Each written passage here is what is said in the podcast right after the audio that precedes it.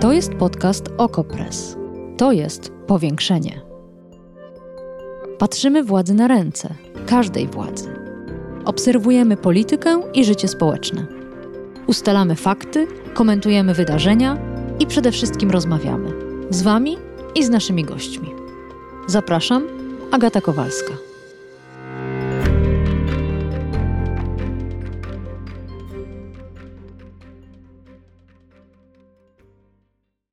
W niedawnym odcinku powiększenia zbierałam głosy osób LGBTQ. Jedną z nich był Bartosz Marganiec, który mówił o sobie: Jestem głuchy i jestem gejem. Wiele czasu spędziłem na upodabnianiu się do innych, na dopasowywaniu się do systemu. W tym kraju bycie innym nie popłaca. Bycie innym na dwa sposoby nie popłaca podwójnie. Pomyślałam, że jego opowieść wymaga osobnego odcinka powiększenia.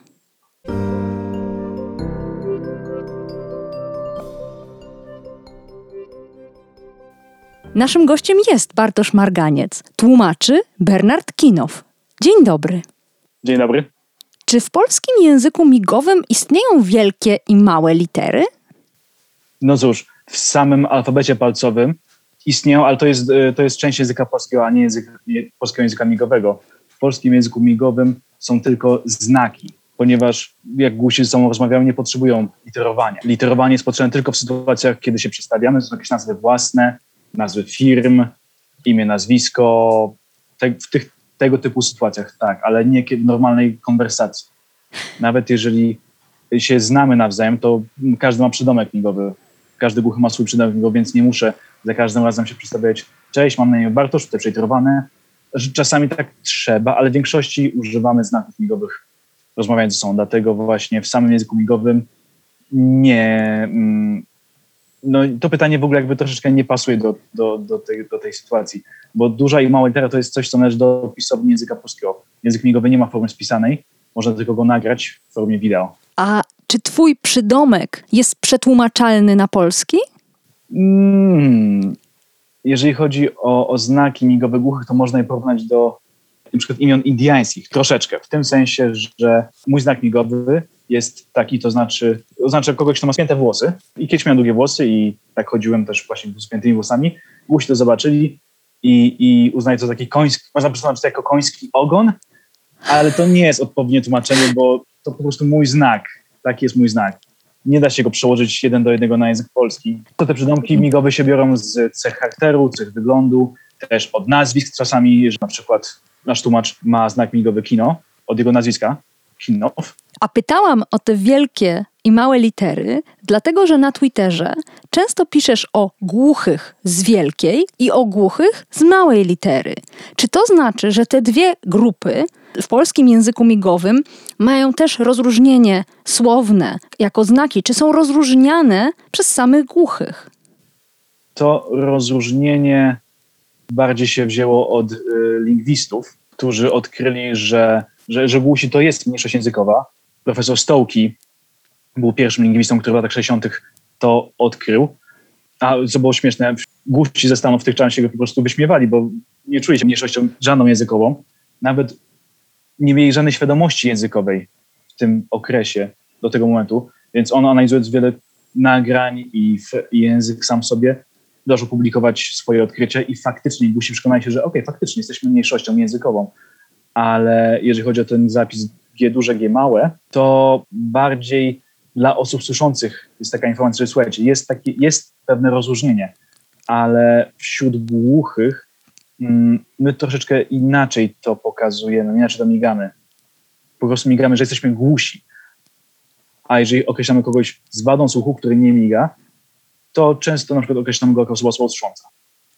To znaczy ten, używając tego znaku, znaku na słabosłyszący, i tu nie chodzi konkretnie nawet o to, że w sensie medycznym jest ktoś słabosłyszący, tylko ten znak oznacza, że to jest osoba niesłysząca, głucha, która nie umie migać. Dla przykładu, ja kiedyś, jak nie potrafiłem migać i spotykałem się wielokrotnie z głuchymi i określali mnie jako osoba słabosłysząca, na co się nie zgadzam. Przecież mówię, nie, to nie, nie, jestem niesłyszący, jestem głuchy, nie mogę rozmawiać przez telefon, ale to nie o to chodziło. Oni widzieli, że ja mówię, używam języka fonicznego polskiego, a nie migam. I to było to określenie na takie osoby jak ja. Ale co to znaczy, że nie umiałeś posługiwać się polskim językiem migowym. Mówiłeś o tym zresztą też w ostatnim odcinku powiększenia. Gdy byłem dzieckiem, nosiłem aparaty słuchowe, wyrehabilitowano mnie, więc mówiłem po polsku i nie znałem języka migowego.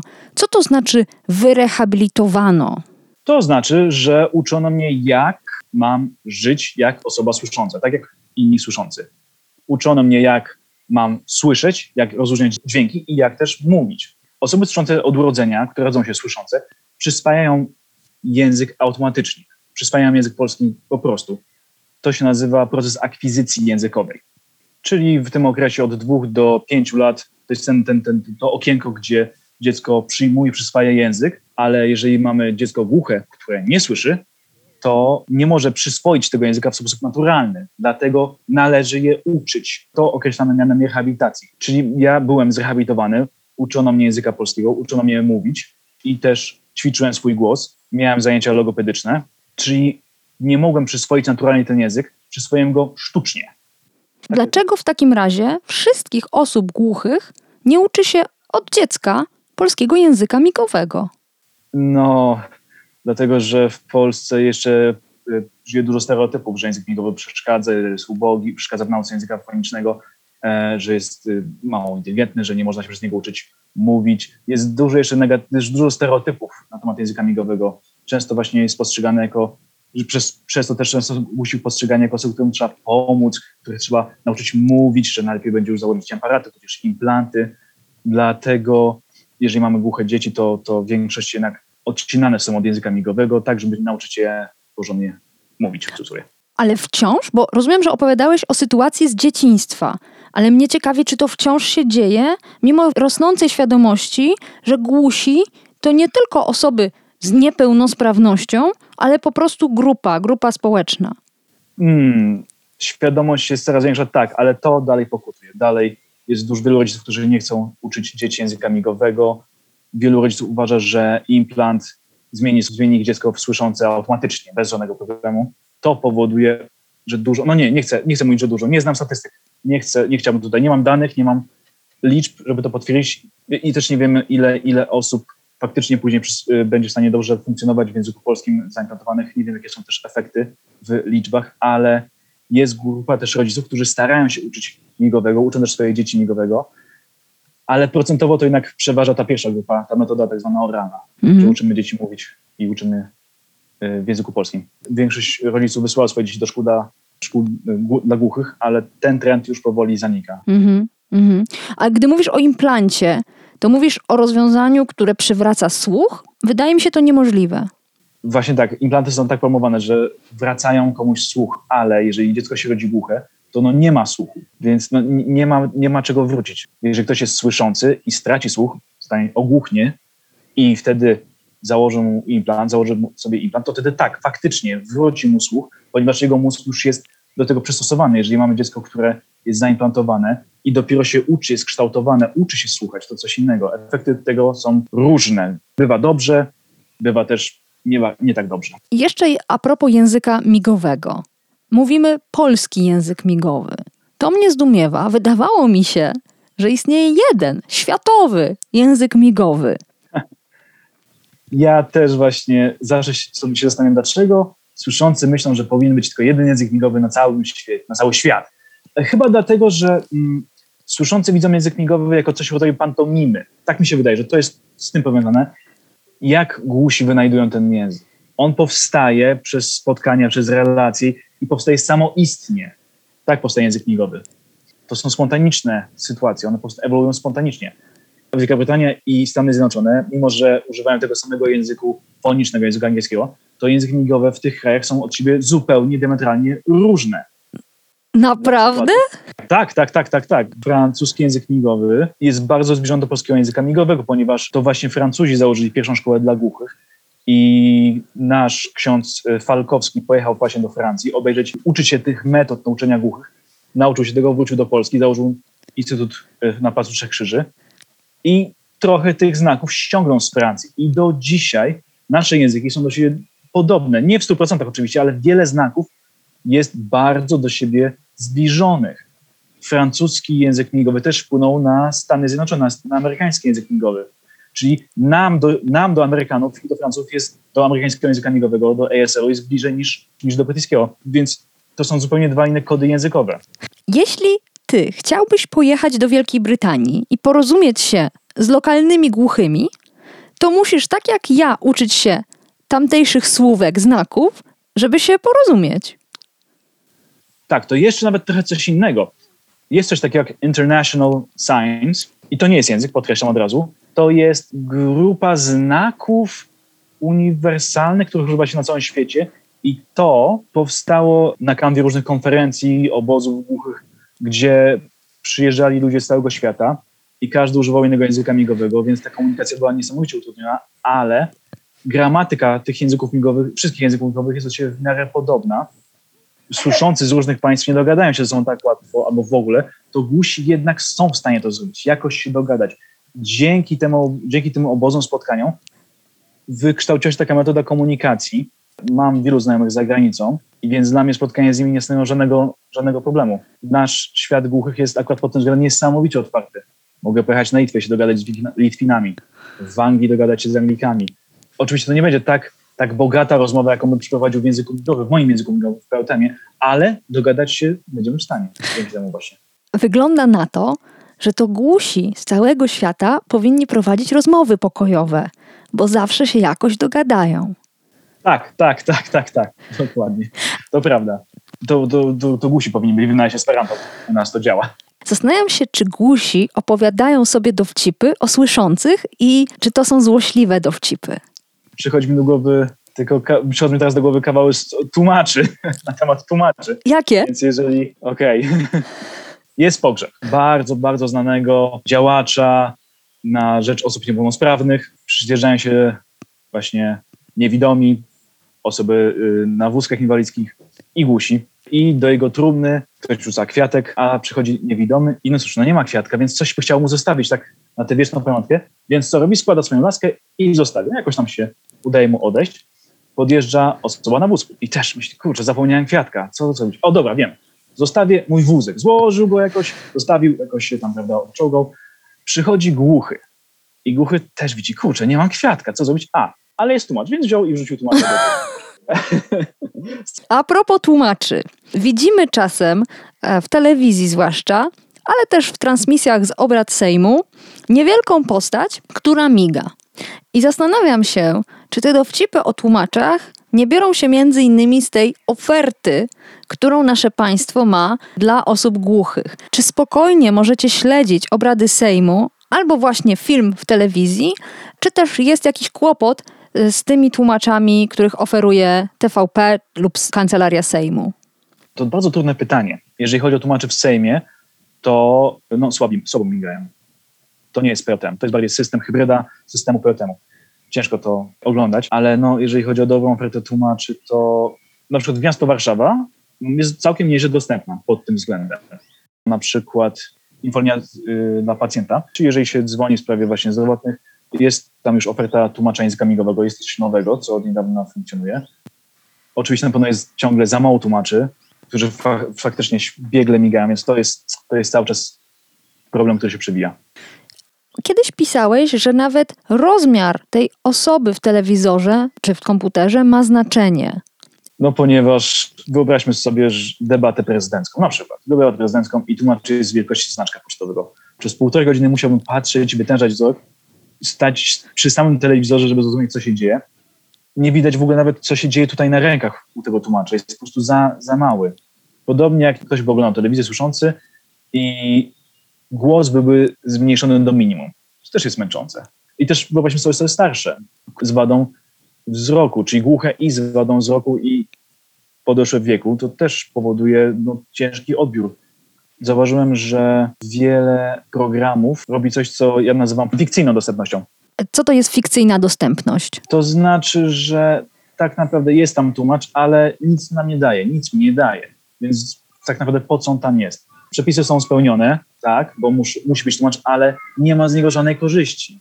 Ostatnio czytałam, że idealną sytuacją byłoby, gdyby na przykład na debacie prezydenckiej obok kandydatów stała żywa postać tłumacza, i na bieżąco, będąc tej samej wielkości, co tłumaczone osoby, przekazywała treść tej dyskusji. Czy to tak, Tak, ktokolwiek robi? Tak, tak, tak, tak. To byłoby super rozwiązanie. Nikt tego, nigdy tego czegoś jeszcze nie wiedziałem. Widziałem tylko na spektaklu takie rozwiązanie, gdzie było tak zwane tłumaczenie cieniowe. To faktycznie tak wyglądało, że był aktor i do niego był przypisany tłumacz. I, ale to było w spektaklu, w telewizji czy w jakichś debatach politycznych nigdy w życiu czegoś takiego nie widziałem. Zawsze jest jeden tłumacz na wszystkich tyle. Ale to też nie jest dobrze. Powinno być dwoje tłumaczy, tak żeby mogli się zmieniać w czasie, w czasie tłumaczenia. No sobie, że po 15 minutach po prostu forma siada. E, wtedy należałoby zamienić tłumacza, żeby mógł trochę tam odpocząć.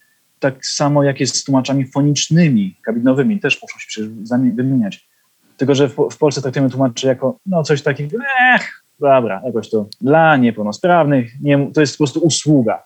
Ale jeżeli chodzi o jakość tłumaczenia, to jest bardzo, bardzo ważne, żeby się wymieniać, właśnie zachować tę formę i nie spłycać tego tłumaczenia przez zmęczenie. Absolutnie się zgadzam. Jako dziennikarka uważam, że słowa mają znaczenie. Często nie możemy skrytykować lub zrozumieć polityka, jeśli dokładnie, precyzyjnie nie przytoczymy jego wypowiedzi. Tak, tak, tak. Myślę, że wielkim problemem w naszym kraju jest, jeżeli chodzi o dostępność, jest to, że, przynajmniej ja tak też to odczuwam, że dostępność jest zawsze jakby stronę, tylko do mnie. Instytucje dają mi dostępność. Czyli, że ja mogę oglądać, ja mogę to przeczytać, ja mogę tego posłuchać, ale żeby to było w drugą stronę, czyli jeżeli ja bym mógł zainterweniować, coś zrobić, to już tego nie ma. Nie mam tego w drugą stronę tłumaczenia. Jest tłumaczenie dane mi, żebym otrzymał ten komunikat, ale nie ma go, żebym ja mógł nadać ten komunikat. Na przykład na stronie gov.pl jest numer telefonu do, do, do któregoś z ministerstw i obok niego jest znaczek, dwie łapki, które oznaczają tłumaczenie na język. I moja koleżanka właśnie musiałaby zadzwonić coś załatwić w tym ministerstwie, no więc włączyła i poprosiła o telefon do kancelarii, biura, bo chciała coś załatwić, a tłumacz powiedział, nie, nie, hola, hola, ja tutaj tłumaczę tylko to, co jest na, na stronie, nie, my nie dzwonimy. Więc ona, no to jak to? Znaczy, że słyszący mogą zadzwonić, coś powiedzieć, coś załatwić, a my głusi nie możemy? Czyli jakbym mówił tutaj o tej dostępności jednostronnej. Mhm, A gdzie jest ta druga strona? mhm. To też jest, to też jest, to też jest problem. Jesteśmy przyzwyczajeni do tego, że głusi jakby tylko otrzymują. Jakby nigdy nie, nie dawali od siebie, nie, nie działali. Więc tak jesteśmy przyzwyczajeni. A trzeba nauczyć ludzi, że głusi też mogą dać od siebie. Tylko musimy dostać tłumaczy, którzy nam to umożliwią. Od razu informacja dla wszystkich. Ten podcast będzie spisany, a zatem dostępny nie tylko w formie audio, ale również pisemnej na portalu OkoPress. To taka informacja dodatkowa dla tych, którzy zastanawiają się, jak nasi odbiorcy głusi mieliby posłuchać tej rozmowy. Jeszcze jedno pytanie, bo nasz tłumacz pracuje już ponad 15 minut. Czy są lepsi i gorsi głusi wedle samych głuchych w społeczności?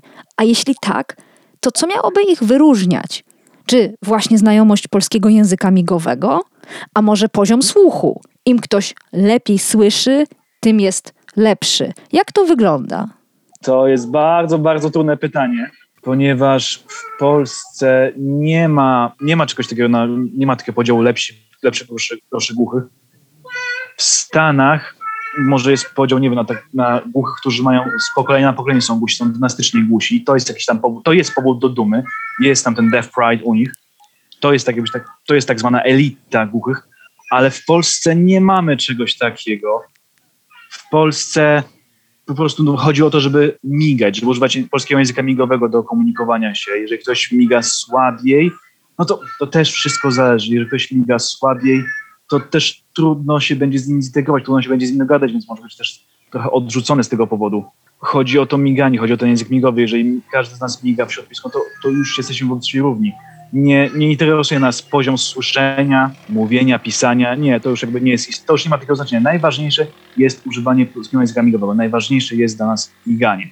I czasami to, co ja zauważyłem przynajmniej, to to, że przynajmniej w szkołach jest pewien problem. Otóż chodzi o to, że jeżeli chodzi o szkoły dla głuchych, to na pewno już słyszałeś, że w Poznaniu był ten, była ta sytuacja straszna, w której po prostu się okazuje, że nauczyciele nie znali w ogóle języka migowego, uczyli głuche dzieci nie znając języka migowego. Dużo nauczycieli jednak promuje metodę oralną, gdzie język migowy jest jednak spychany zupełnie na boczny tor, albo w ogóle wyłączany. Mamy dzięki temu właśnie coraz więcej dzieci słabo słyszących, które używają języka polskiego I, i tu jest, jest konflikt w tych szkołach dla głuchych, migowy, foniczny. Jest ten konflikt. Mamy osoby, które, osoby słabosłyszące, które nie migowego i wyśmiewają się z głuchych, a z kolei głusi się wyśmiewają z nich, że nie języka migowego, więc jest tam tutaj wewnętrzny konflikt. I to jest straszne. Powinniśmy się wszyscy integrować. Jesteśmy częścią tego środowiska. Jeszcze próbuję cały czas uchwycić ten problem, jakim jest odsuwanie polskiego języka migowego od głuchych dzieci. Czy można to porównać do próby zmuszenia osoby niechodzącej do chodzenia, zamiast wspierać ją w poruszaniu się na wózku? Czy to o to chodzi? Bo wyobrażam sobie, że słyszący mogą myśleć, on próbuje wpychać głuchych w ich niepełnosprawność, zamiast ich z niej wydobywać. Więc jakby to jeszcze inaczej uchwycić, żebyśmy to lepiej zrozumieli? Mm. Jest tutaj jeden problem, jeżeli chodzi o głuchych z perspektywy słyszących. To nie widać. Jeżeli widzimy ludzi wielu, to w tłumie to nie, nie będziemy wiedzieli, który z nich jest głuchy. Po prostu. Dlatego myślę, że staram się robić tak, żeby te dzieci głuche zamienić na słyszące, tak żeby wyglądały idealnie jak słyszące. Przez tę właśnie metodę. Bo w ich perspektywie miganie wygląda źle, jest fatalne, więc próbują się go pozbyć, bo wyróżnia też to, co właśnie mówiłeś, ten przykład o zmuszaniu osoby, która nie może chodzić, żeby chodziła, nie, nie dawać mu wózka, tylko zmusić do chodzenia. To jest, to jest bardzo dobry, tak, bardzo dobre porównanie. Zmuszamy głuchych do bycia jak słyszący. Ja jestem tego idealnym przykładem, jestem zrehabilitowany, ale czemu? Żebym był słyszący. Moja mama naprawdę bardzo starała się, żeby było, żeby było mi jak najlepiej. Nie chodziło o to, że ci rodzice, ci wszyscy rodzice chcą gdzieś tam, nie wiem, zgnębić dziecko. Nie, nie, oni wszyscy naprawdę chcą dobrze dla swoich dzieci, tylko po prostu nie mają świadomości tego, jaki w przyszłości może być efekt ich działań. Myślę, że jak mamy głuche dziecko, to oprócz tego jednego zmysłu mamy jeszcze inny wzroku, smaku, dotyku, intelekt i z tych wszystkich rzeczy możemy korzystać dla dobrego rozwoju dziecka. Dlaczego skupiamy się tylko na tym zmyśle, tej umiejętności, która jakby jest najmniej rozwinięta? Że zmuszamy do tego, żeby ono w tym wzrastało, zamiast korzystać z pozostałych atutów dziecka. Zabieramy po prostu temu dziecku możliwość rozwoju. Chcemy dobrze tego dziecka, jasne. Głuche dziecko powinno znać język polski, oczywiście, ale chodzi o to, że jak ono ma ten język polski poznać. Uważam, że należy zaakceptować fakt, że to dziecko jest głuche. To jest okej, okay, to jest w porządku. To nie jest żaden koniec świata, absolutnie. To nie jest koniec świata. Nie da się zmienić tego dziecka na słyszące. Więc czy musi słyszeć? Czy wszyscy ludzie na świecie musimy być dokładnie tacy sami? Każdy musi być identyczny? Czyż różnimy się wzrostem, wagą, orientacją seksualną? Jest wiele czynników, które determinują nasze różnice. To jest okej. Okay. Ogromnie dziękuję za rozmowę. Naszym gościem był Bartosz Marganiec, głuchy z wielkiej litery a tłumaczył Bernard Kinow, któremu również dziękuję za jego pracę. Też bardzo dziękuję. Bardzo dziękuję za rozmowę. Powiększenie. Podcast Okopres. Prowadzenie Agata Kowalska. Podcast znajdziesz na stronie Okopres i w Twojej ulubionej aplikacji do podcastów. Redakcja Okopres działa od 2016 roku. Jesteśmy obywatelskim narzędziem kontroli władzy, obecnej i każdej następnej. Okopres utrzymuje się z Waszych darowizn. Wesprzyj nas, byśmy mogli działać dalej.